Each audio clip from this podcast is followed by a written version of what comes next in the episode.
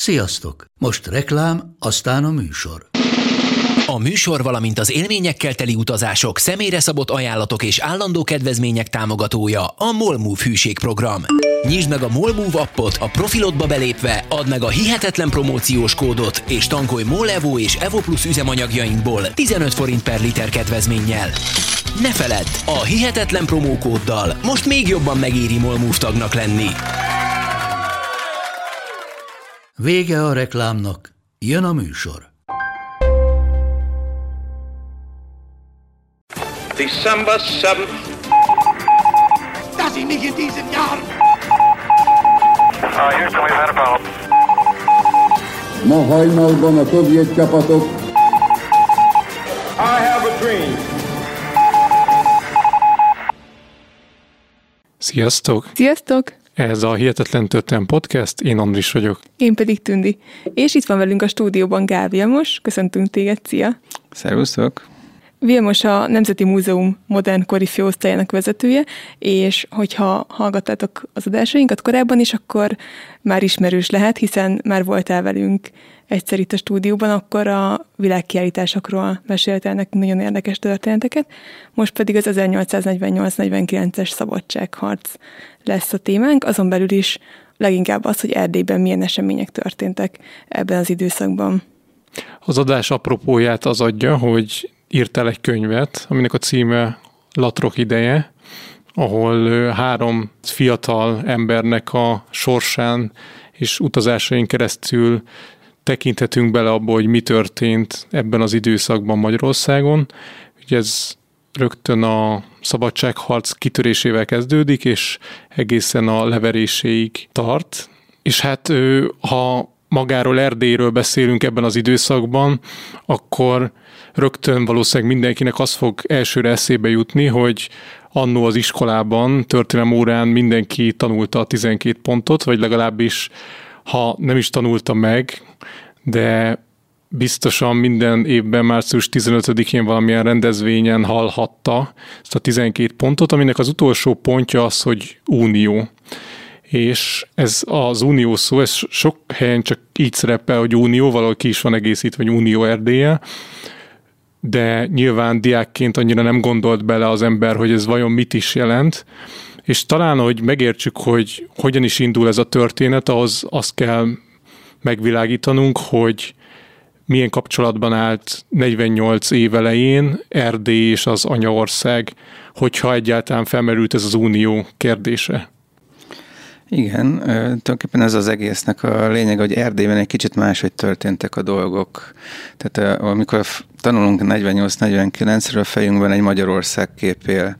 De ez nem volt teljesen így, hiszen Erdély ekkor a Habsburg birodalom részeként egy különálló tartomány volt, tehát magyarán nem csatolták vissza Magyarországhoz Erdélyt a Habsburgok a török felszabadító háborúk után, külön tartományként kezelték, és ezért is kerülhetett be aztán a reformkorban a magyar követelések közé az, hogy Erdélyt vissza kell csatolni, a magyar királyság részévé kell tenni újra, és ezért is kerülhetett bele a 12 pontba. Ugye, igen, ez gyerekkoromban nekem is okozott fejtörést, amikor csak azt látod, hogy unió, és akkor ez meg mi a fene. és itt arról van szó, hogy itt egy újraegyesítésről, és ezt meg kellett tenni ahhoz, hogy tényleg az, az a régi, valódi királyi Magyarország visszaálljon, hiszen Erdély az, azért egy komoly népességgel is területtel, tehát itt nem csak egy tartományról, egy országrészről van szó, hogy tényleg egy komoly, szín, egy önálló ország is volt, vele gondolunk, tehát ez nagyon nagy terület, és azért ez Magyarországnak ezer évig a része volt, tehát nyilvánvalóan a magyaroknak ez egy alapvető kérdés volt, akkor, hogy ez vissza kell kerüljön a királyságba. És akkor Magyarországhoz, vagy az akkori magyarországi mondjuk tartományhoz mi tartozott hozzá? Tehát felvidék? Persze, hát a, nyilván az nem is volt külön válaszol, tehát a, tulajdonképpen Erdélyen kívül és Horvátországon kívül a többi terület, illetve hát ugye a határőrvidék délen, amit ugyancsak a Habsburgok azok jó ideig külön kezeltek, direkt azért ugye az a törököktől visszafoglalt terület volt, és ott is egy ilyen katonai közigazgatást vezettek be 1700-as évek elejétől kezdve, és azt nem is adták fel jó sokáig.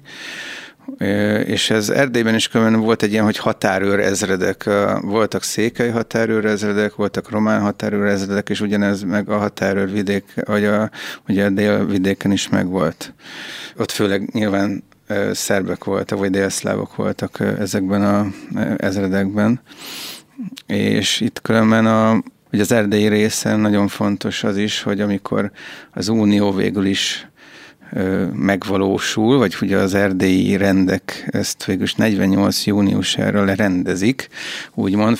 Veselyi Miklós ennek a vezéralakja, aki akkor már vak, beteg, nagyon kövér, túlsúlyos ember, minden baja van, bár akkor születnek a kisfiai érdekes módon, tehát ilyen fiatal apuka amúgy, vagy ilyen éppen tényleg előtte születnek néhány évvel a gyerekei, és már nagyon rossz állapotban különben de akkor így erőt vesz magán, és lezongorázza nagyjából, tehát az ő nagy tehetségen is múlik, hogy ez az unió aztán néhány hónap alatt, hogy gondoljunk bele áprilisi törvényekhez képest, tehát három hónapon belül megcsinálja az uniót az erdélyi országgyűlés. Tehát itt magyarán arról van szó, hogy ott egy kormányzóság működött, Ugye Habsburg felhatóság alatt Puckner generális volt a katonai kormányzó, volt a magyar kormányzó, aki a, mondjuk úgy a polgári közigazgatásért felelt, és akkor összeültek a rendek,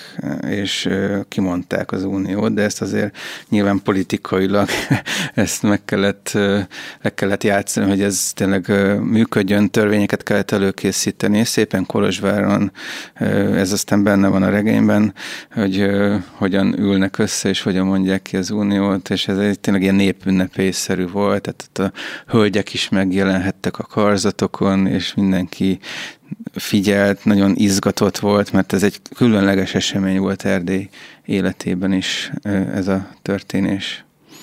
És erre a Habsburg birodalom az áldását adta erre az unióra? Hát igen, tehát ez, de ez nagyjából ilyen látszólagos dolog volt, mint ugye az áprilisi törvényeket is szentesítik.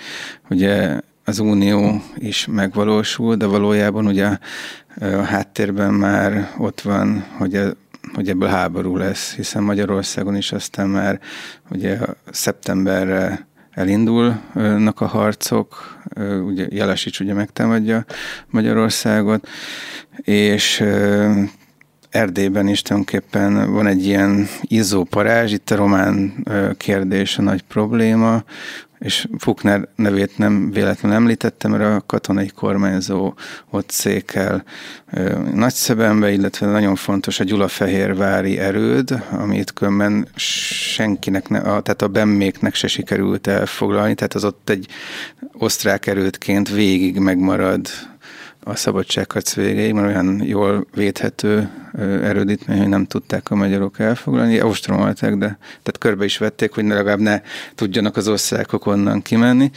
de nem tudják elfoglalni. És innen Pukner szépen tulajdonképpen szervezi azt, hogy bármikor meg lehet támadni a magyarokat, és ehhez a román tömegek voltak nagyon fontosak, Ugye ezt tudni kell, hogy akkor már Erdélyben román többség volt, tehát nagyjából 600 ezer magyar lakott Erdélyben, vagy élt Erdélyben a székelyekkel együtt, és nagyjából egy millió román.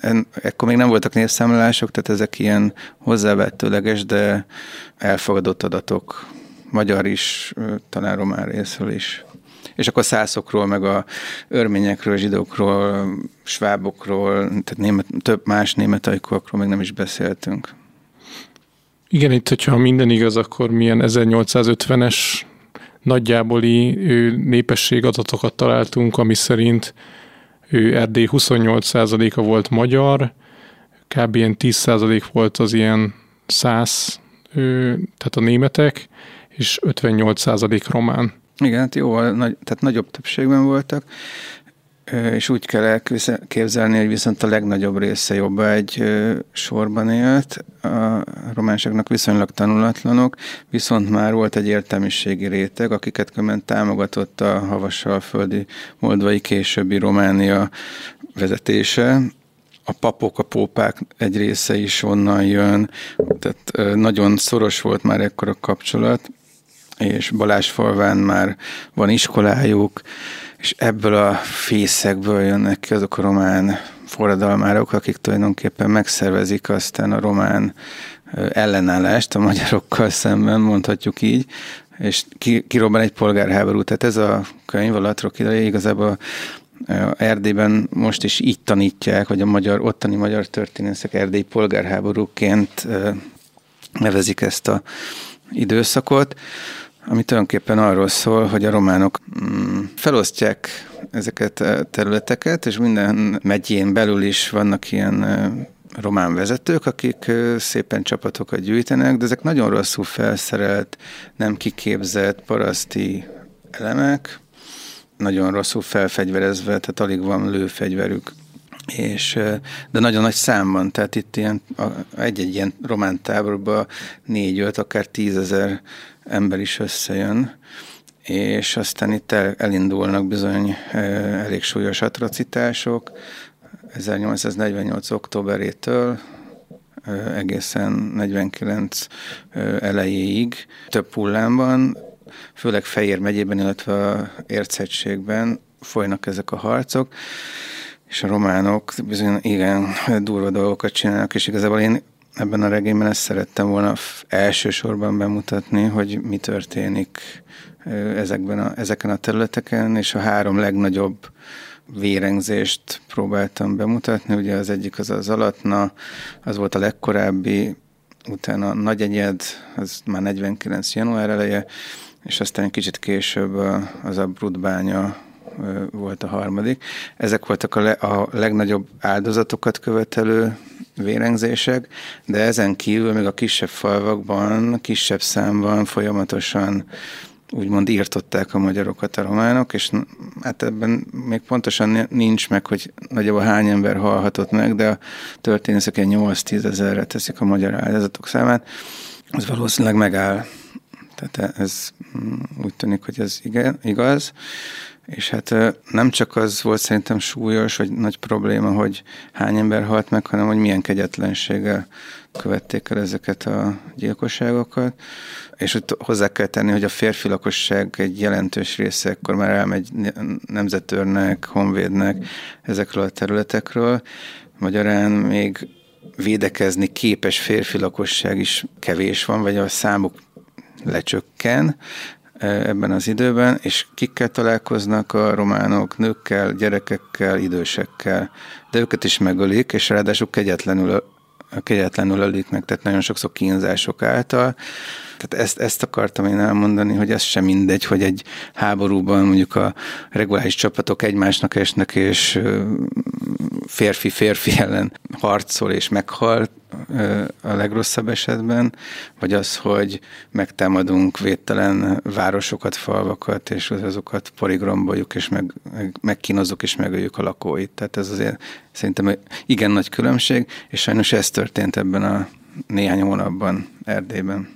Még mielőtt eljutottak ideig az események, hogy tényleg ilyen brutális erőszakkel fajultak a dolgok, mi volt az, ami leginkább feltüzelte ezeket a román jobbágyokat? Hát igaz, egyrészt az unió kimondása, tehát ezzel lehetett őket föl tüzelni, mert ö, ugyanis a jobbágy felszabadítás rájuk is vonatkozott. Tehát a kosuték azt mondták, hogy a, amikor meg, megszületik az unió, akkor a, automatikusan a versenyek a jobbágy felszabadító törvényt is úgymond érvényé utatják Erdélyben, Úgyhogy ez volt az egyik, és a románok, ugye három bevet nemzet van Erdélyben, ugye a magyar, száz és a széke, és a románok azt mondták, hogy ők meg a negyedik, tehát hogy legyen benne ebben a törvényben az is, hogy ők negyedik nemzetként ö, bekerülnek úgymond az erdélyi törvény, törvénybe vagy alkotmányba, és ezt sem akarták. Na most ezek voltak azok a sarokpontok, amire lehetett építeni az osztrákoknak is, meg a román értelmiségnek is, hogy lám-lám, a magyarok nem adják meg nekünk ezt meg azt, és hogy emiatt ne, lép, ne írjuk alá az uniós megállapodást, és tulajdonképpen ez, ez is történik, hogy a románok igazából ebből kimaradnak, és ez, ez a gyújtópontja valójában annak, hogy ők az osztrákok mellé állva magyar, magyarok ellen fognak fordulni. Mondván, hogy ők a, a törvényes császár és király alattvalói, és a magyarok lázadók, és ezért ők a magyarok ellen fognak fordulni, vagy magyarok ellen fordulnak. Tehát itt, hogyha jól értem meg, nyilván olvastuk a könyvedet, tehát ebből is tudtunk dolgozni. Itt több probléma is egyszerre egy helyen csúcsosodott ki.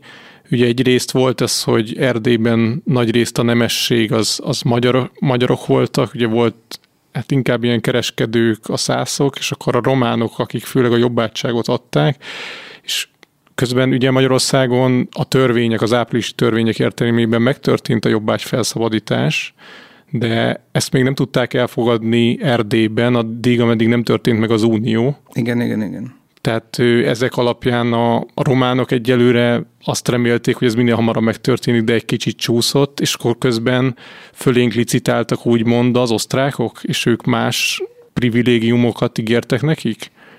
Vagy ezt hogyan I- kell elképzelni? Igen, ez, ez így volt, és tényleg az volt, hogy már ugye eljöttek a hírek Magyarországról, hogy ott már tényleg a jobbágy felszabadítás megtörténik, és akkor a jobb, az erdélyi jobbágyok, de különben itt az is fontos, hogy a magyar jobbágyok is sokszor ebben úgymond összefogtak a románok, tehát erről is vannak források, hogy adott esetben egy-egy faluban azonnal mentek magyarok és románok együtt mondjuk a földes úrhoz, és követelték, hogy na akkor most azonnal, hát hallottuk, hogy mi történik Magyarországon, jobb egy felszabadítás, akkor vezessük be, és akkor hiába magyaráztak nekik, hogy jó, de itt még ez nem történhet meg, mert először ki kell mondani a Magyarországhoz csatlakozást, és csak utána lehet ezt bevezetni, és itt tényleg volt egy pár hét vagy hónap, amikor konkrétan falvakban ilyen fegyver, felfegyverkezett parasztok, jobbágyok lezárták, tegyük föl az utakat.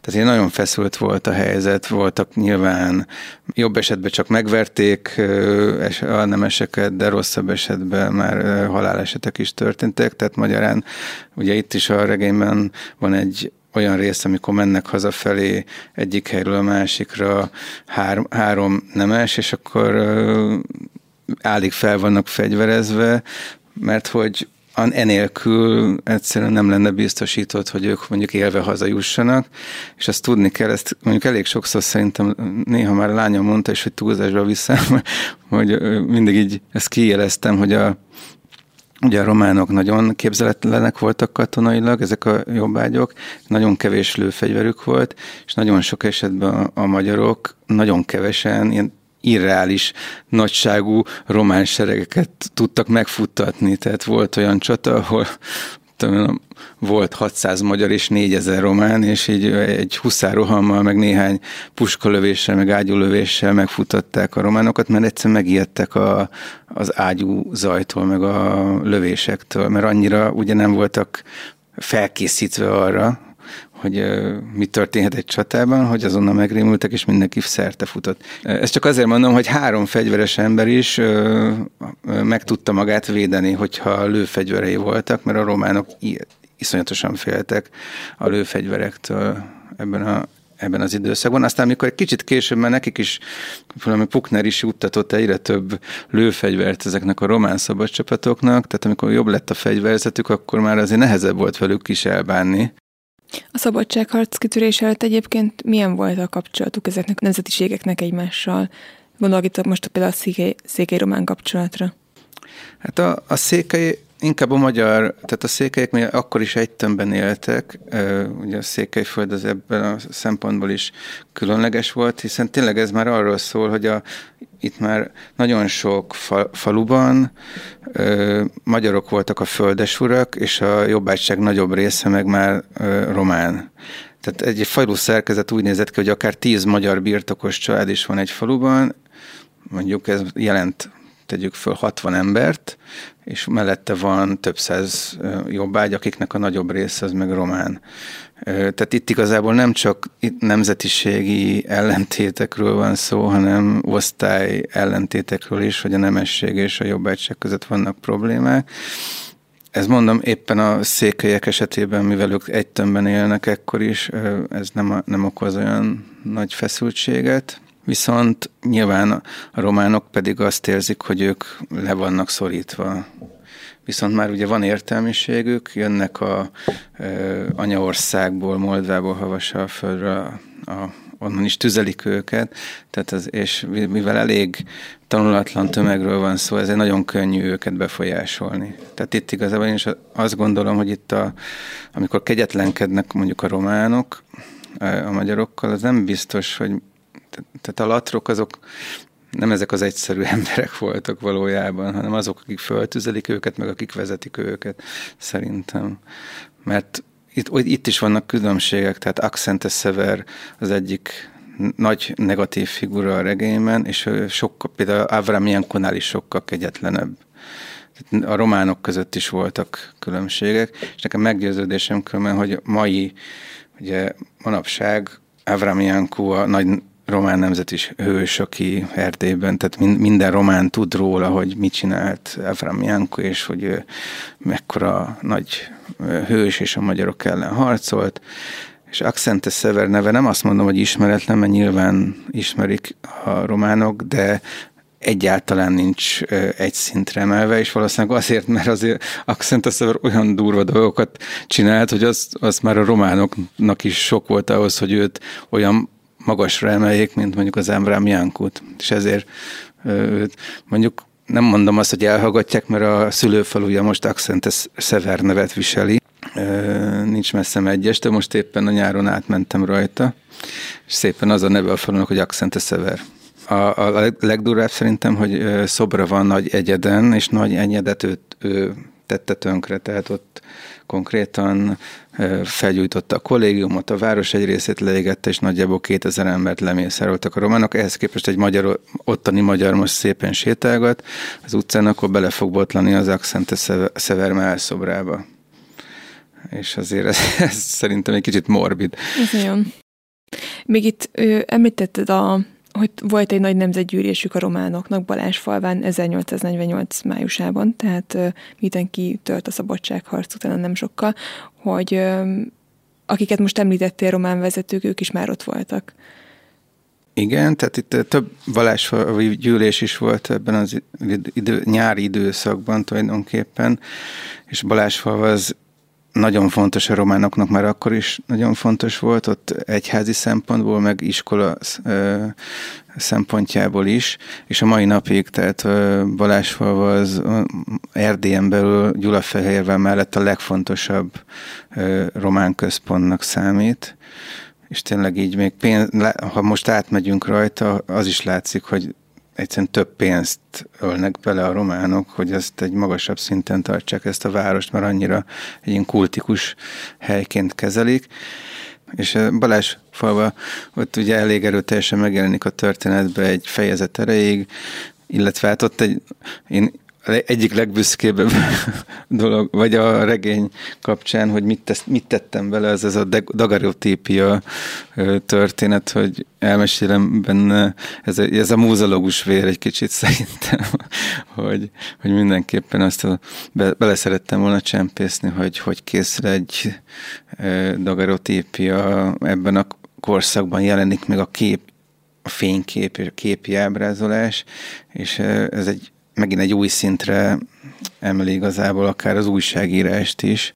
Igen, mert ezt most akkor mondjuk a hallgatóknak, hogy ők is értsék, hogy volt egy, az egyik szereplő, az egyik főszereplő, egy fiatal fiú, oda ment erre a nemzetgyűlésre, erre a román nemzetgyűlésre, ami, ahogy olvastam, nekem olyan, hang, olyan érzésem volt, mint hogy egy ilyen nagy kirakodóvásár lenne, vagy ilyen hatalmas, nagy ilyen búcsú, vagy aztán javíts ki, hogyha, hogyha nem így történt. De, de igen, és ez a, ez a fiú gyakorlatilag, hát ilyen korabeli, hát nem fényképeket, de ilyen kezdetleges fotózási eszközökkel megörökítette az emberek arcát, és nagyon érdekes, amit írta, hogy egy nap talán öt vagy nyolc, nem is Igen, mert akkor még nagyon nehéz volt ezt Igen.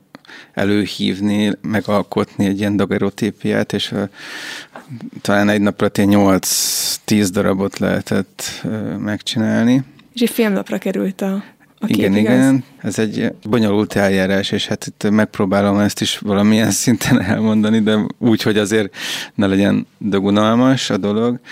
Például ez, ez a rész Nekem tetszett. Nektek tetszett? És főleg, nekem tetszett, és főleg az ö, gondolkodhatott el, amikor egy román parasztemberről készít egy ilyen képet a, a fiú, uh-huh. és akkor rájön, hogy ez az ember valószínűleg soha nem is látta a saját arcát, mert annyira rácsodálkozik, hogy tényleg igen, így nézek. Igen, igen, igen. Ez, ez, szerintem ez is egy iszonyatosan érdekes dolog, hogy a, jó, már 19. században már azért jobb, jobban voltak tükrök, de egy, egy szegény parasztember maximum tényleg a tóvizébe, meg a patakba látta a saját arcát.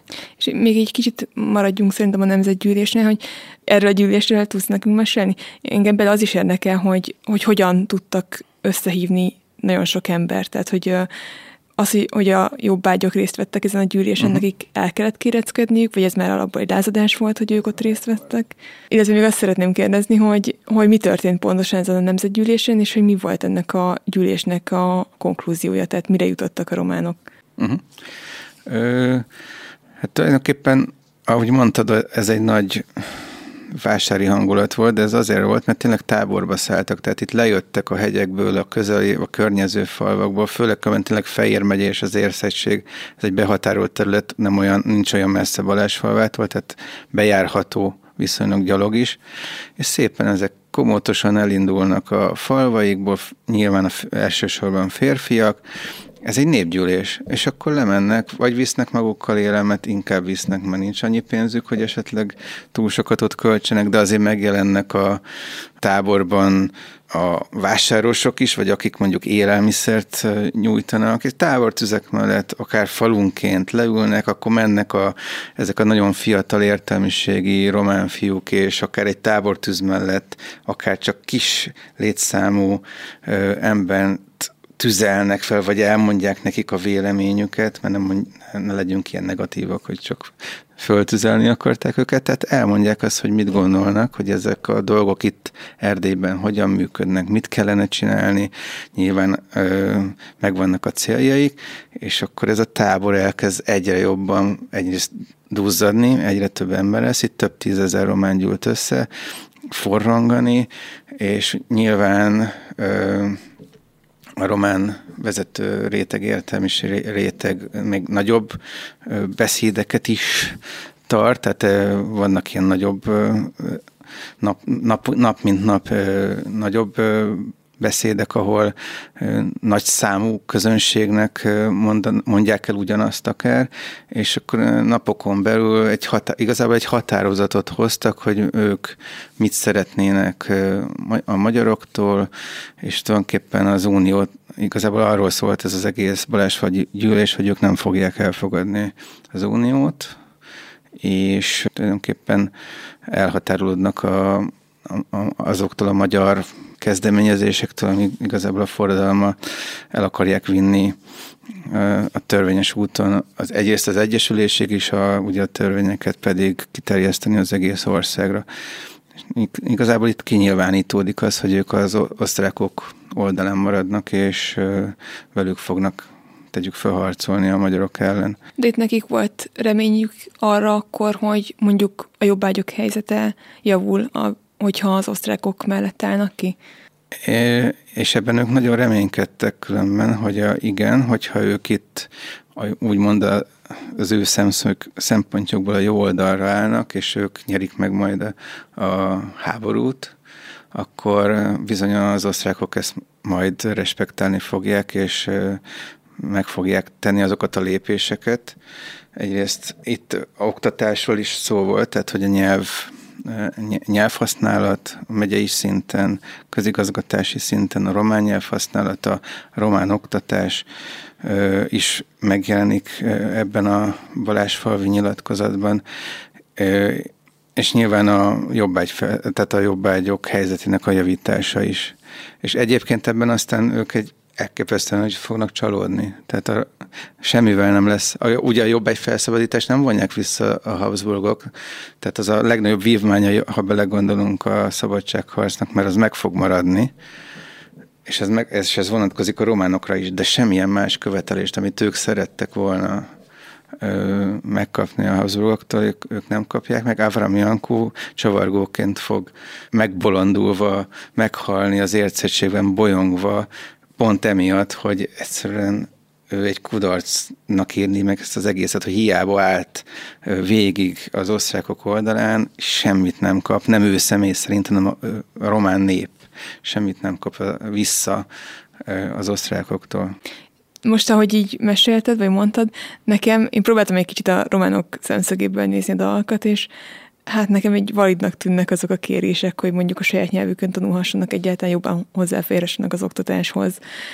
Hogy a magyarok, a magyar vezetés, magyar politikai vezetés mennyire törődött velük, vagy mennyire volt tekintettel arra, hogy azért itt létszámban egy, egy mégis egy többségről beszélhetünk, tehát hogy mennyire törekedett arra a magyar politikai vezetés, hogy, hogy az ő helyzetüket, tehát itt a románokra gondolok, a románok helyzetét javítsa, illetve mennyire, mennyire tartották jogosnak ezeket a kéréseket, és mennyit, mennyit akartak belőle teljesíteni. Hát itt, itt különben szerintem valamilyen szinten hibáztak egyrészt az erdei magyar politikusok, meg a Kossuték is, meg Kossuth aztán kicsit később rájön, hogy kellene tárgyalni a románokkal, és tárgyal is, de pont az Abrudbánya kör, környékén ott zátonyra fut, vagy kudarcba fullad, mert a, tehát azért, tehát visszanézve mindig azt kell azért megfontolnunk így, amikor már itt vagyunk a 21. században, és nagyon okosak vagyunk, mert mindent tudunk. De ők nem tudtak mindent. Tehát a történelemben szerintem mindig vissza kell helyezkednünk abba a helyzetbe, alapállásba, hogy vajon Kossuték mit tudhattak. És ha nem volt egy zseni, vagy nem volt látnok egy politikus, vagy nem volt egy akkora stratéga, akkor nem biztos, hogy jó döntést hozott. Tehát nem gonoszságból hoz rossz döntést, hanem egyszerűen nem tud ennyire előre gondolkodni, és nyilván most ha innen visszatekintünk, akkor nyilván nagyon okosak vagyunk, és tudjuk, hogy mit kellett volna tennie Kossuthnak annak érdekében, hogy ne történjenek meg ezek a dolgok, de ők ezt nem tudhatták. Ők abban voltak, tehát egy ilyen kicsit naív álláspont is talán ez, hogy hát mi meghoztuk azokat a polgári törvényeket, amelyek mindenkinek biztosítani fogják azokat a szabadságjogokat, politikai, gazdasági, oktatás értelme, ami mindenkire vonatkoznak, akkor mi a probléma? Akkor nem kell plusz nemzetiségi törvényeket hoznunk, aztán majd rájönnek ki 30 évek később, hogy ez dehogy nem, és majd lesznek nemzetiségi törvények. Tehát, de ekkor így a kosoték meg azt, azt is mondhatták, hogy hát erre most nincs idő, nincs erre most mód. Éppen benne vagyunk egy kirobbanó szabadságharcban, tehát hogy erre most nincs nekünk időnk, hogy ezzel is foglalkozzunk, elégedjenek meg azzal, amit eddig kaptak, és aztán majd rendezzük a kérdéseket, hogyha vége lesz a, az egész háborúnak, és utána majd rendezhetjük a problémáinkat egymás között. És nyilvánvalóan mondom, ha okosabb bak, akkor, akkor már akkor tárgyalóasztalhoz ülnek a románok, de a szerbekkel is, és mindent megígérnek nekik. Ez nem azt jelenti, hogy aztán be, be is lehetett volna tartani a szavukat, és nem is állt volna szerintem távol a Kossuth-téktől, hogyha megnyerik végül. Tehát itt most arról beszélünk, hogy mi lett volna, ha, és, és nem az lett. Igen, itt talán a, a, a regényben van is az egyik fiatal embernek egy ilyen megállapítása, ami arról szól, hogy igazából, ha el akar érni valamit, akkor mindent be kell vetni a legundorítóbb módon is akár, hogy eléri azt a valamit, és, és az nem számít, hogy hogyan érte el. Igen, igen. Itt a bíró, az író néha a saját véleményét mondja ilyenkor, és ez egy, tehát, és az ifjúság pragmatizmusa, hogy itt Veselény Miklóssal vitatkozik úgymond, vagy beszélget az egyik főhős, Balog Farkasnak hívják, és egy ilyen köznemesi család sarja. Ő is nagy egyedi diák volt, és a család eléri, hogy Veselényihez kerüljön titkárnak. És ez a fiatal srác Pesten vitatkozik a Miklóssal, aki bár sokkal tapasztaltabb politikus, de ezt tudjuk Veselényéről, hogy nem az, hogy naív volt, de hogy neki meg volt az, az volt a meggyőződése, hogy bizonyos szabályokat be kell tartani, és nem léphetünk túl. És én azt gondolom, és szerintem egy csomó ifjú ember is azt gondolja, vagy akkor is azt gondolta, tegyük mondjuk Petőfi, hogy de bizony át kell bizony lépni szabályokat ahhoz, hogy megnyerjük a háborút. Tehát itt az a kérdés, hogy vagy nyerünk, akár nemtelen eszközökkel, vagy nagyon becsületesek és tisztességesek leszünk, de elbukunk, és akkor melyik a jobb? Itt ugye beszéltünk arról, hogy a magyar fél mondjuk akár mit ígérhetett volna meg a románoknak, akkor is, hogyha nem feltétlenül tartja be, de itt közben azt érdemes látni mindenkinek, és nektek is kedves hallgatók, hogy közben minden nép Magyarországon ugyan úgy minden kisebbség is hasonló törekvésekkel állt a magyarok elé, mint amivel a románok. Tehát itt a szerbekre gondolok, meg a horvátokra elsődlegesen, és ő szerintem azt a káoszt, ami akkor kialakult, azt nagyon jól mutatja, hogy a szerb népfelkelés során a szerbek milyen falvakat vagy milyen falvakban végeztek tisztogatásokat, tehát mindenféle átgondolás nélkül volt, hogy sváb falvakat, sváb falvakban... Sőt, románokat is, mert ott is voltak román kis közösségek, falvak, és románokkal szemben is követtek el a szervek ugyanígy atrocitásokat. Így van, igen. Tehát, hogy ez szerintem, ez jól megmutatja, hogy mekkora káosz uralkodott, hogy a szép szerb népfelkelés során tényleg ki, kinek az oldalán kötött ki, az egy ilyen sok esetben nem egy ilyen logikus döntés volt. Igen, és ez mutatja, hogy a hazugok mennyire latrok voltak, hogy ugye nem csak a románokat sikerült nekik eh, teljesen a magyarok ellen fordítani, hogy ugyanígy a szerveket is. Horvátország meg tulajdonképpen a Jelasics bánnal az élen, mint, eh, mint egy állam lép fel tulajdonképpen a horvát hadsereg eh, Magyarországgal szemben de ott szerencsére győzünk, tehát ott, és az egy döntő ütközet volt a szabadságharc további sorsát, illetőleg, hogy a pálkoznál sikerült a jelesisat megállítani, és onnantól kezdve bontakozhatott ki az igazi ellenállás Magyarországon, és onnantól, igen, nagy volt a káosz, de onnan egy kicsit viszont le is tisztult a kép, tehát a magyarok is rájöttek szerintem arra, hogy itt mm, ebből egy háború lesz, és akkor a képlet ez abban a pillanatban viszont már tisztább lett mert akkortól kezdve kezdik el a magyar honvédsereget igaz, valójában megszervezni, és létrejön egy ellenállás, tehát egy népfelkelés valójában, és ez egy nagyon fontos dolog, hogy a magyar jobbágyság az tulajdonképpen Kossuték mellé áll. Amúgy Kossuthnak szerintem az ő habitusának, vagy karizmájának nagyon nagy szerepe volt ebben, hogy a jobbágyságot az ügy mellé tudta állítani, és kellettek olyan emberek, akár mint Görgei, aki mondjuk Kossuthtal soha nem, vagy nem szimpatizáltak egymással túlzottan egyik, de mint Bemapó, Bem József, olyan hősök, olyan karizmatikus egyéniségek, akik ezt tovább tudták vinni, és igazából ez egy többenetes számomra, hogy ilyen hosszú ideig, hogy mindenhol Itáliában, Franciaország, Párizsban, német területeken napok alatt ö, tiporják el a forradalmakat. Egyedül Magyarország az, ahol a győztes forradalom után nem egy néhány napig, hétig, hónapig, hanem másfél évig tart a szabadságharc, és hogyha nem, nincs az orosz beavatkozás, akkor szerintem sikeres is lett volna ez a függetlenségi háború. A regényedben három főszereplő van, három fiatal fiú, akik az erdélyi események különböző helyszínein öm, hát játszanak fontos szerepet, vagy különböző eseményekbe csöppennek bele. Erről mesélsz nekünk, kérlek egy kicsit? Igen, mind a három nagy enyedi diák, és amúgy ugye ez is érdekes, hogy mikor érnek el a március 15-e események híre hírei Erdélybe négy nap kell hozzá, tehát már március 19-én tudják meg egyeden a srácok, hogy kitört a forradalom. Ez is, tehát ez amikor kutatok, ez érdekes, hogy hogy négy nap kell ahhoz, hogy a gyors posta kocsi elérjen Buda, akkor még Pestről mondjuk Enyedig.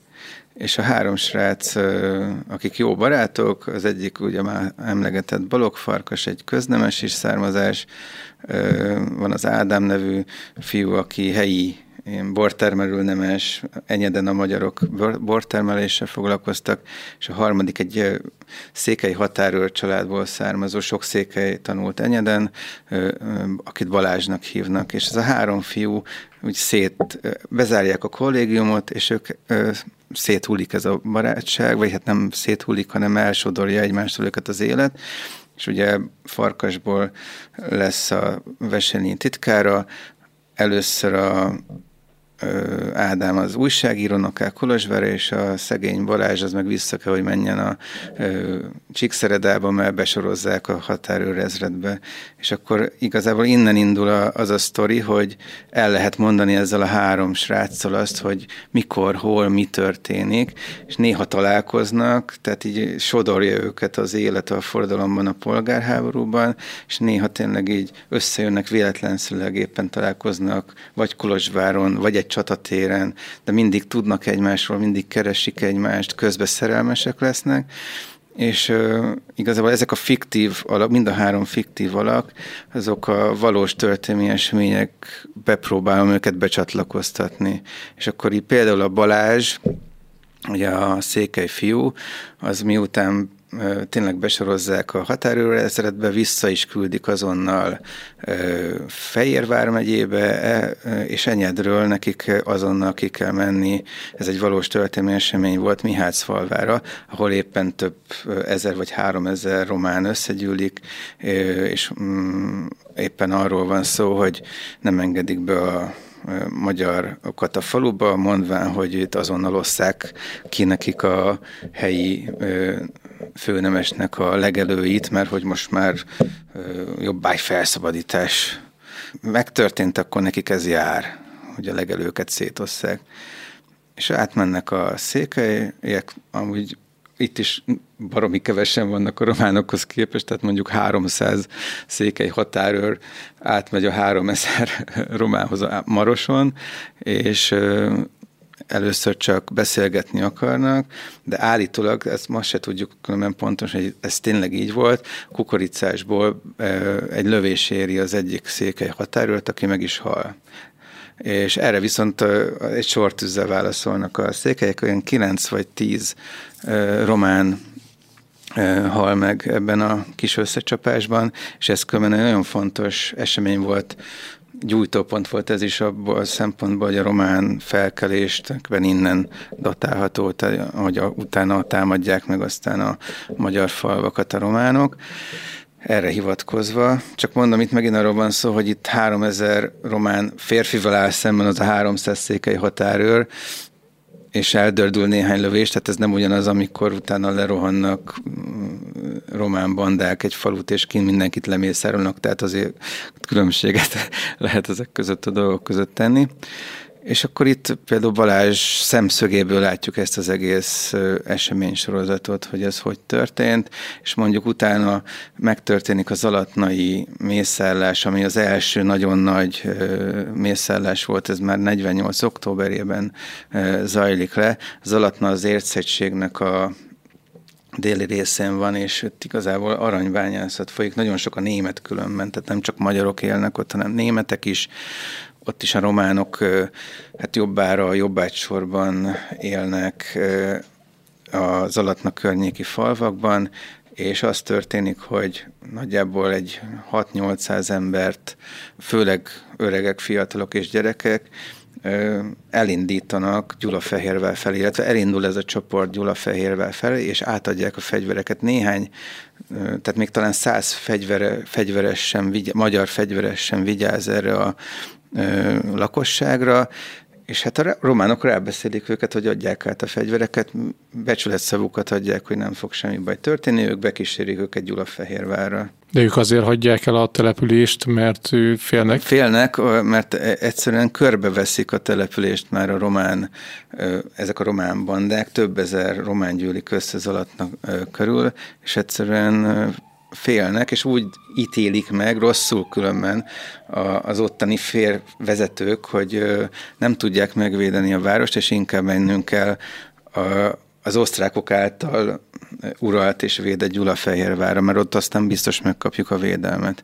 És elhagyják Zalatnát, és az első éjszaka folyamán Ompolygyepőnél, ami nincs messze Zalatnától, elkezdenek, egyrészt körbeveszik őket a románok, tehát ott leterepednek egy kukoricaföldön, ez a szerencsétlen tömeg, és a sötétben elkezdenek a románok egymást egyrészt berúgnak, és utána egyrészt nőket kezdenek megerőszakolni, illetve férfiakat kezdenek el kiszedegetni a csoportból, akiknél pénzt gyanítanak, és azokat elkezdik kínozni, hogy adják át a vagyonukat. És ez odáig fajul, hogy hajnalra nagyjából egy és egy csomó ember már meghalt. Tehát a, ennek a, egy, egy jelentős, ennek a csoportnak egy része már halva fekszik, és amikor tulajdonképpen a magyarok akkor, amikor már világosodik, jönnek rá arra, hogy itt nagy a baj, mert a sötétben még nem tudják pontosan, hogy mennyi volt az áldozat, meg mi történt, és elkezdenek menekülni, és a, tulajdonképpen ekkor viszont elkezdődik az igazi vérengzés, tehát a meneküléstől bevadulnak a románok, és ott a kukorica földön, akit érnek, megölnek. Ilyen százas csoportnak sikerül tulajdonképpen megmenekülni, akik el is érnek Gyulafehérvárra, és ugye ezt próbálom itt ugye egy olyan eszközzel leírni, hogy itt nem direktben mondom el az eseményt, hanem a Balog Farkas fiúnak, aki éppen nincs ugye jelen, de az ő szerelme az Zalatnai. Ő már tudja, hogy Zalatnán valami szörnyűség történt, és elindul megkeresni a lányt, és igazából egy, egy nyomozást folytat a fiú, tehát igazából ő az események után megy, és csak látja, hogy mi történt, és keresi a lányt, és igazából egy ilyen utó lagos szemlélője, hogy valójában mi történt. Bocsánat, hogy kalandozok, de egy másik hölgy szereplő, meg ugyancsak a farkashoz kapcsolódóan a Versenyi Katica az egyik kedvencem, mert a Veselényi Miklósnak volt egy csomó zabi gyereke, de ő ezeket támogatta, és volt két lánya, akiket Pestre különben egy nagyon jó lányneveldébe járatott, és, az egy, és őket nem Veselénynek hívták, hanem ő a Veselényi találta ki, hogy Versényinek fogja őket nevezni, és a Versenyi Katica is megjelenik a történetbe, aki ugyancsak egy valós alak volt. Úgyhogy ez, ez volt ez az alatnai történet Farkassal és Bihari Júliával. Ugye Balást már megismertük, és a harmadik a, az Ádám, aki ugye Enyeden enyedi polgár, vagy hát nemesi polgár, és őt, őt pedig azért tettem, azért gondoltam, hogy egy újságíró az milyen jó, mert marha sok helyre elmehet, mindent lát, mindent meg tud tapasztalni. És akkor a regényed ezen három karakterén keresztül ismerjük meg ezeket a vérengzéseket. Vannak arról pontos feljegyzések, hogy pontosan mik történtek, milyen atrocitások történtek?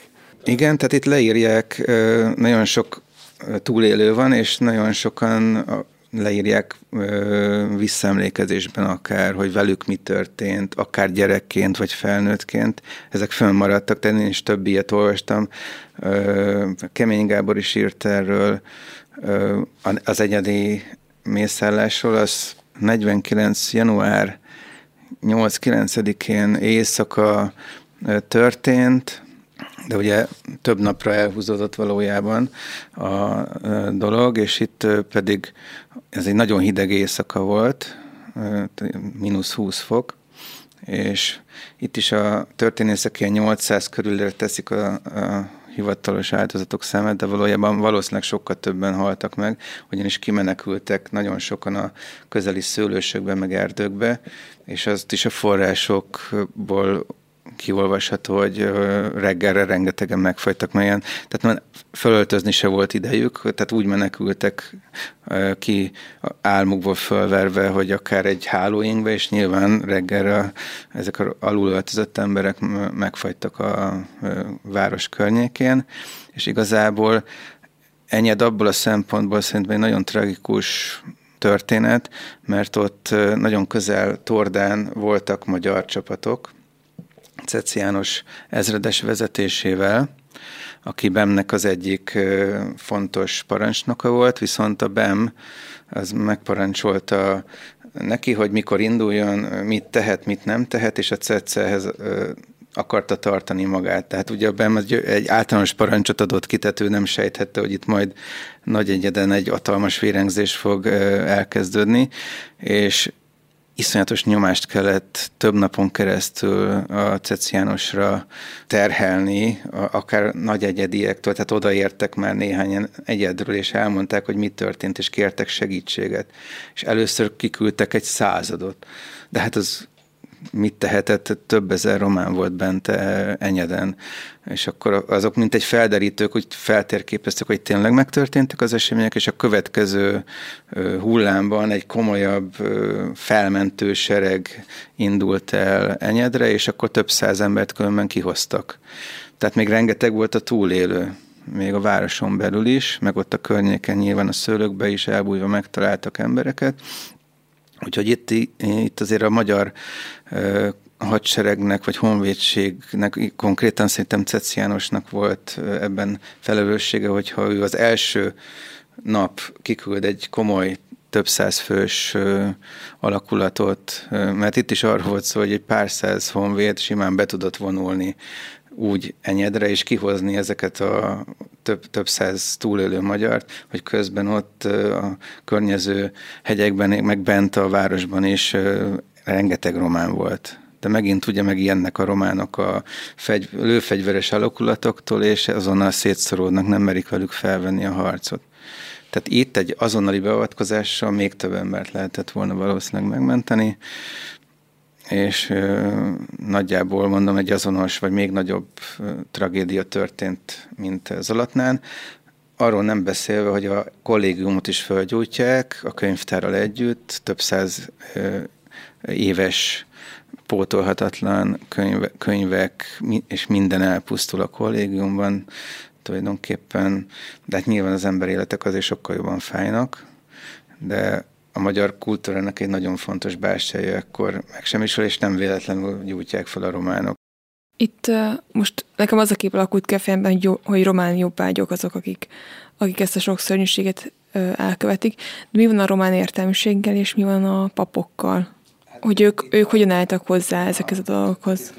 A románság egy része görög-katolikus, és érdekes módon ezt próbáltam is érzékeltetni a regényben, hogy a görög-katolikusok és a jobbágyok is nem olyan ellenségesek a magyarokkal, tehát, de az ortodoxok viszont igen, és a, tehát az ortodox pópák sokkal ellenségesebbek, és amúgy van, tehát azért a jó románokat is próbálom megjeleníteni a regényben, és itt, itt megint csak igazán, tehát valós szereplőkről van szó, és az egyik a, az alatnai mészálláshoz kapcsolódik egy görög katolikus pap, aki ténylegesen, tehát ezt tudjuk, úgy menti meg ezt a száz embert, aki nagyjából százan lettek, akik megmenekülnek a mészállásból, hogy a, az üldöző románoknak azt mondja, hogy ne üldözzétek a magyarokat, ne öljétek meg őket, mert már elindultak Gyulafehérvárról az osztrák csapatok, és mindenkit, akinél fegyvert találnak, azokat meg letartóztatják, vagy megölik és akkor a románok nem üldözik tovább ezt a, ezt a magyar ö, zalatnai ö, csoportot, és így menekülnek meg. Tehát tulajdonképpen ennyivel sikerült feltartóztatni ennek a román papnak ezt az áradatot, és erre vannak még példák, és ezeket mind be is mutatom, a, meg, megpróbálom legtöbbet bemutatni a, a könyvben, hogy azért tárnyaljam a képet, hogy nem tehát itt nem, nem a román, tehát nem a, nem a románok a rosszak, az emberek a rosszak. Vannak jó emberek, meg vannak rossz emberek, és nyilván a magyarok között is vannak. Voltak olyanok, akik kegyetlenek voltak. Ezt, erre próbáltam figyelni, hogy itt az egy bizonyos arányt tartsak. Na most 8-10 ezer magyar meghal, és meghal viszont 4 ezer román is a polgárháborúban. Ez hogyan is történt? Hogy amikor már bemserege stabilizálja a helyzetet, ugye azért akkoriban azért románok egy, egyből visszamennek a falvakba, tehát akkor vérengzéseknek egy jó, ide, jó ideig befellegzett, viszont a magyarok elkezdik összegyűjteni a román falvakból azokat a férfiakat, akikről azt gondolják, hogy részt vettek a vérengzésekben ez nem hasonlítés szerint ment, hanem tényleg próbáltak valamilyen szinten nyomozni ez ügyben. Vagy ha valakinél mondjuk egy románnál fegyvert találnak, sétál az úton, és van nála mondjuk egy puska, akkor nyilvánvalóan azonnal bevitték, és statáriás bírósági állították őket, tehát akkor volt egy ilyen kőkeményen, ezt bevezetik a magyarok, és bizony nagyon sok román férfit kivégeznek elsősorban akasztással. És tudunk olyanról esetleg, hogy valahol magyar csapatok ő, hasonlóan jártak volna el, mint a románok, hogy ártatlanokat. igen, igen, tehát voltak ilyen vad, úgymond vadász csapatok, akik nyilván, tehát a könyvben is meg van egy részlet, amikor az egyik főhős megy az úton, és találkozik egy ilyen vadász csapattal, akik éppen románokat visznek be az egyik városba, és tehát ott próbálom ezt pont leírni, hogy, hogy ezek a magyarok, tegyük föl, az előző hónapokban veszítik el a, a egész családjukat, meg kiírtják őket a románok, és nyilván ők bosszút akarnak állni. És hogy ezek, akik, ezek a srácok, akik ugyancsak ilyen fiatal emberkék, ezek bizony akár bele is kattanhatnak, bele is bolondulhatnak ebbe, hogy megölik a szerelmemet, megölik az anyámat, megölik a testvéremet, és bosszút akarok állni. És nyilvánvalóan voltak ilyen visszacsapások, akár még uh, igazság, úgymond igazságtalan, hogy nem vicik, tegyük föl be a városba se, hanem azonnal felakasztják az első felre. Nyilvánvalóan voltak ilyenek. Tehát, de erre mondom azt, hogy nem mentem föl a, ma- a magyarokat sem, amikor valami gonoszságot elkövetnek, de nyilvánvaló számomra, hogy ez egy, tehát egyrészt mert nagyon bonyolult volt ez az egész időszak, tényleg káosz volt, és ebben a káoszban bizony nagyon sok latorság megtörtént, és nem csak Erdélyben, hanem mondjuk a délvidéken is. És mi volt akkor az, ami pontot tette a vérengzések végére?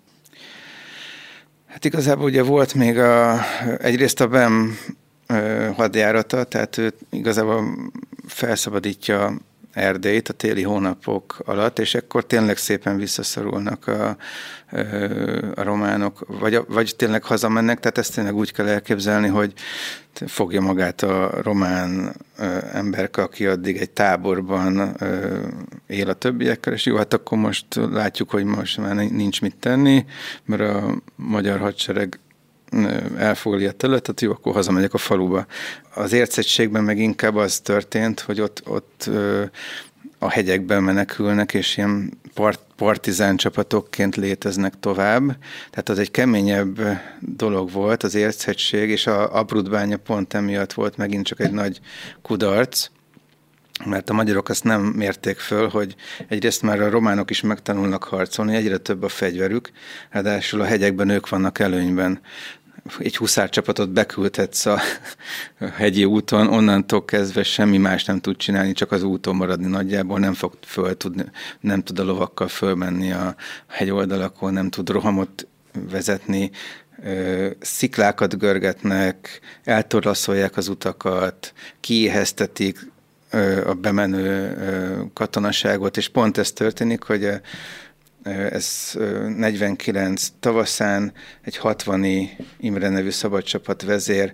Parancs ellenére elindul, hogy na, szerintem azt gondolta, hogy ő majd most csinál egy nagyon nagy dolgot, ami esetleg az ő karrierjét is emeli, és a csapataival szépen bevonult a Brutbányára, de nem számolt azzal, hogy ez egyrészt az ottani magyar lakosságnak mit fog okozni, meg, meg azzal se számolt, hogy a románok bizony vissza fognak csapni, és ez Ráadásul pont egy, ugye itt erre utaltam, hogy a Kossuth már elkezdte a tárgyalásokat a románokkal, és pont egy román küldött, aki egyébként országgyűlési képviselő volt, ott van a Brudbányán, tárgyal az Avramjankoékkal, őt a, románok végzik ki, mert látják, hogy bevonulnak a magyar csapatok a Brutbányára, azt hiszik, hogy áruló, hogy csak az időt húzni jött ide, és azonnal felakasztják. Tehát saját emberüket is simán megölik bosszúból, és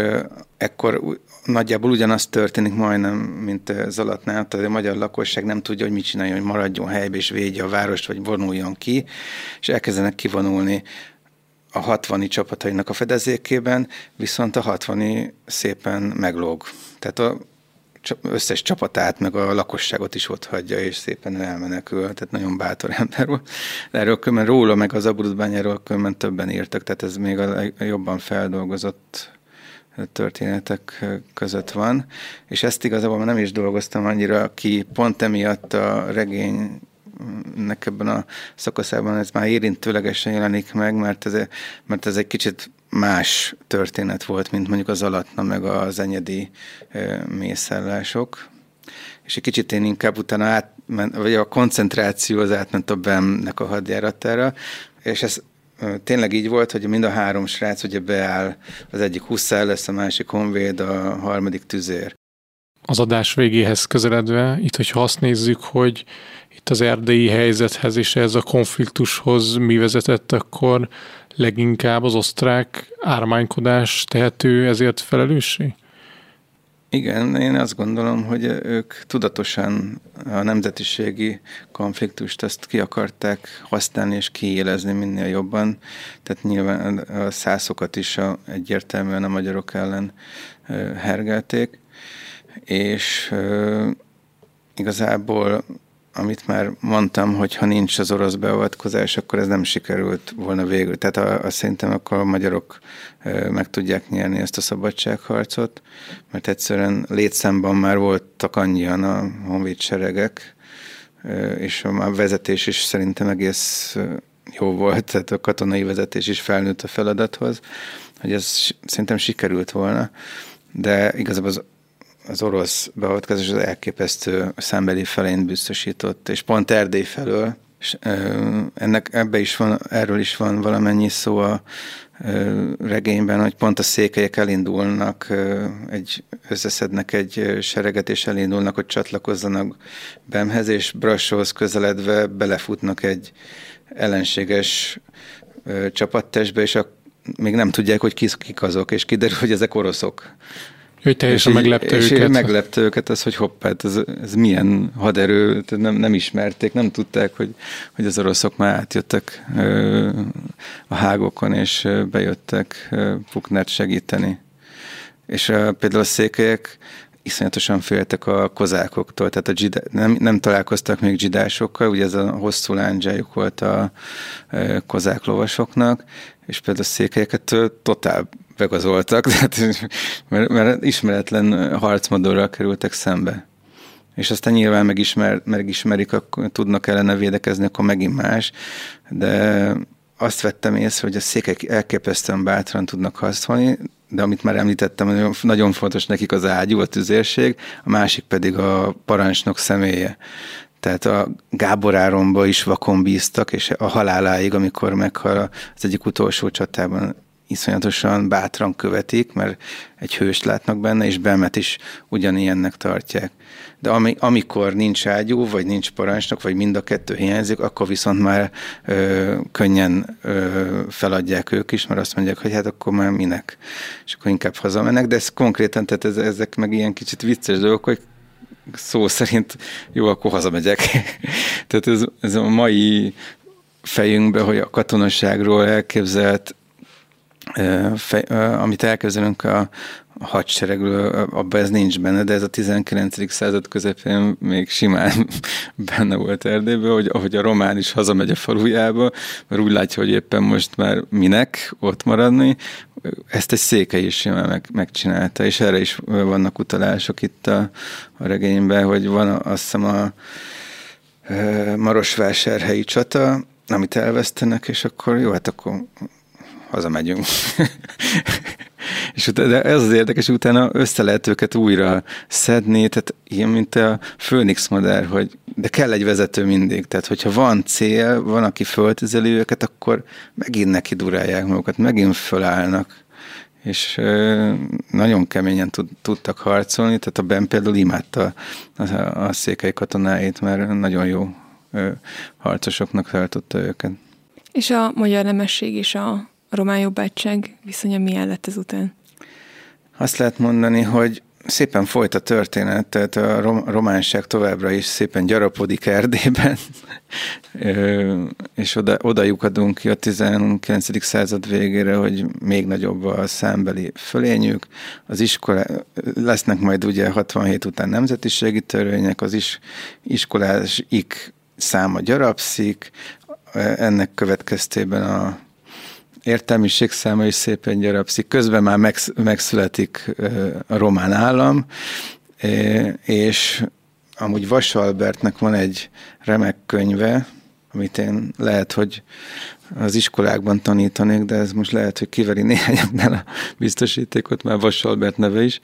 A Kastély Árnyékában című regényében gyönyörűen levezeti Vasalbert, és azért olvastatnám, mert ezt nem csak jobboldaliakkal, hanem baloldaliakkal, ugyanis ebben tulajdonképpen odajukat ki Vasalbert, hogy valójában mi vagyunk Trianonnak a, az okozói, mi magyarok, tehát magunk kerestük a bajt, mert nem tettük meg azokat a dolgokat, amit meg kellett volna tennünk, és itt nem erőszakra gondol, hanem arra, hogy sőt le is írja, hogy mondjuk tegyük fel a főispán, minden, tehát tudja, hogy mi történik a megyéjében, hogy egyre több föld kerül a románokhoz, hogy ö, itt esetleg ebből még baj is lehet, mert konkrétan ez tény, tényleg így volt, hogy román fejedelem, tehát a Nagy Romániából érkező pénzekből vásárolnak föl, földeket a románok a pópáik segítségével Erdélyben, és tulajdonképpen a magyar arisztokrácia, a magyar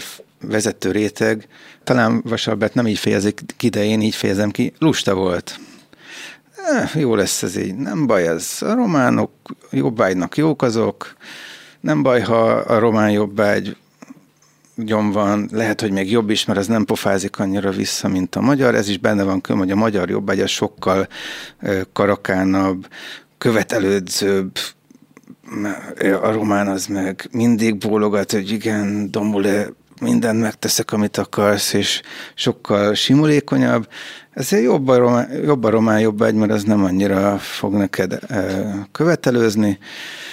És akkor mondjuk a főispánnak a fia, ö, bocsánat, a főispán apja, aki már csak ott gazdálkodik tök a, egy kis birtokon, az, és csak magyar jobbágyai vannak, mondja a fiának, hogy ez, ez nem így van hogy sokkal jobb, hogyha a szemedbe mondják az igazat, és esetleg igaza is van annak az embernek, mint az, hogy állandóan a talpadat nyalják, és ezen gondolkodjál el, de a főispán csak a legyint egyet, mert az apja már öreg és begyöpösödött, és nem, nem kell ezzel törődni, és, de még egy csomó aspektusa van a regénynek, hogy még kik milyen hibákat követ és bűnöket követnek el, és ez vezet Trianonhoz és igazából ez, ez egy folyamat, ami, ami igazából itt végigmegy, főleg a kiegyezés utáni úgymond békeévekben, egy ilyen 40 éven keresztül, és igazából a, hát a románok és a magyarok között nem, nem tudom, hogy mi történik, tehát hogy tehát így szerintem el, nem felejtődnek el ezek a dolgok, de inkább az együttélést választják.